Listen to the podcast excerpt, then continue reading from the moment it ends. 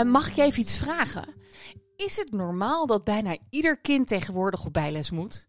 Echt, bij ons poppen de bijlesinstanties als paddo's uit de grond.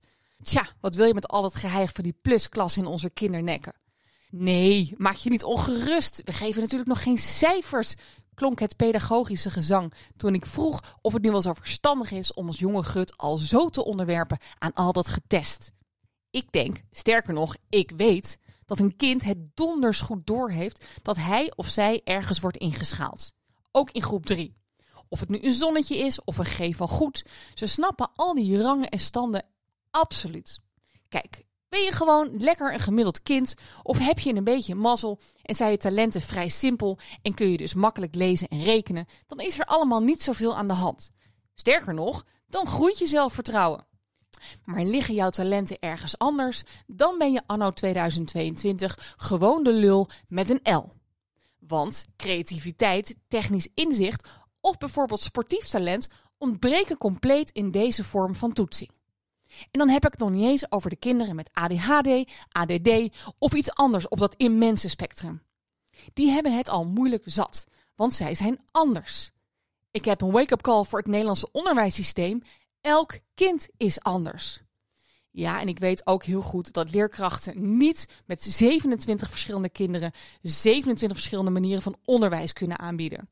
Maar moeten we echt onze kinderen zo vroeg en zo vaak testen? CITO-toetsuitslagen zijn hele kale cijfers. Het zijn momentopnames zonder enige kennis van de persoonlijke situatie van een kind. En uit cijfers blijkt ook nog eens dat 40% niet eens op zijn of haar juiste niveau terechtkomt na de basisschool. Joehoe! En nu hebben we ook nog een heel klein pandemietje eroverheen gehad. En hoezeer ik ook mijn inner juf heb gechanneld, de kinderen hebben ontzettend veel kostbare onderwijsuren gemist. Maar ze krijgen wel gewoon een CITO-toets. En die gaat voor eeuwig de boeken in. Bam! En weet je wat ze bij ons dan doen? CITO-trainingen. Bijles om de CITO's beter te maken. Ja, maar zijn we dan niet heel hard rondjes aan het rennen met z'n allen? Goed, mijn jongste komt best heel goed mee. Zij is zo'n kind dat prima in het systeem past als het neerkomt op toetsuitslagen. Want ze kan gewoon lekker lezen en rekenen op het niveau dat van haar wordt gevraagd.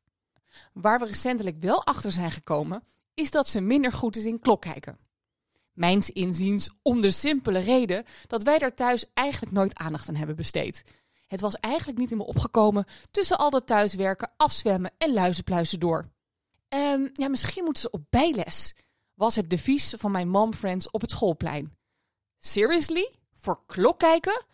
Laten we in godsnaam hopen dat ze dat gewoon op TikTok leren.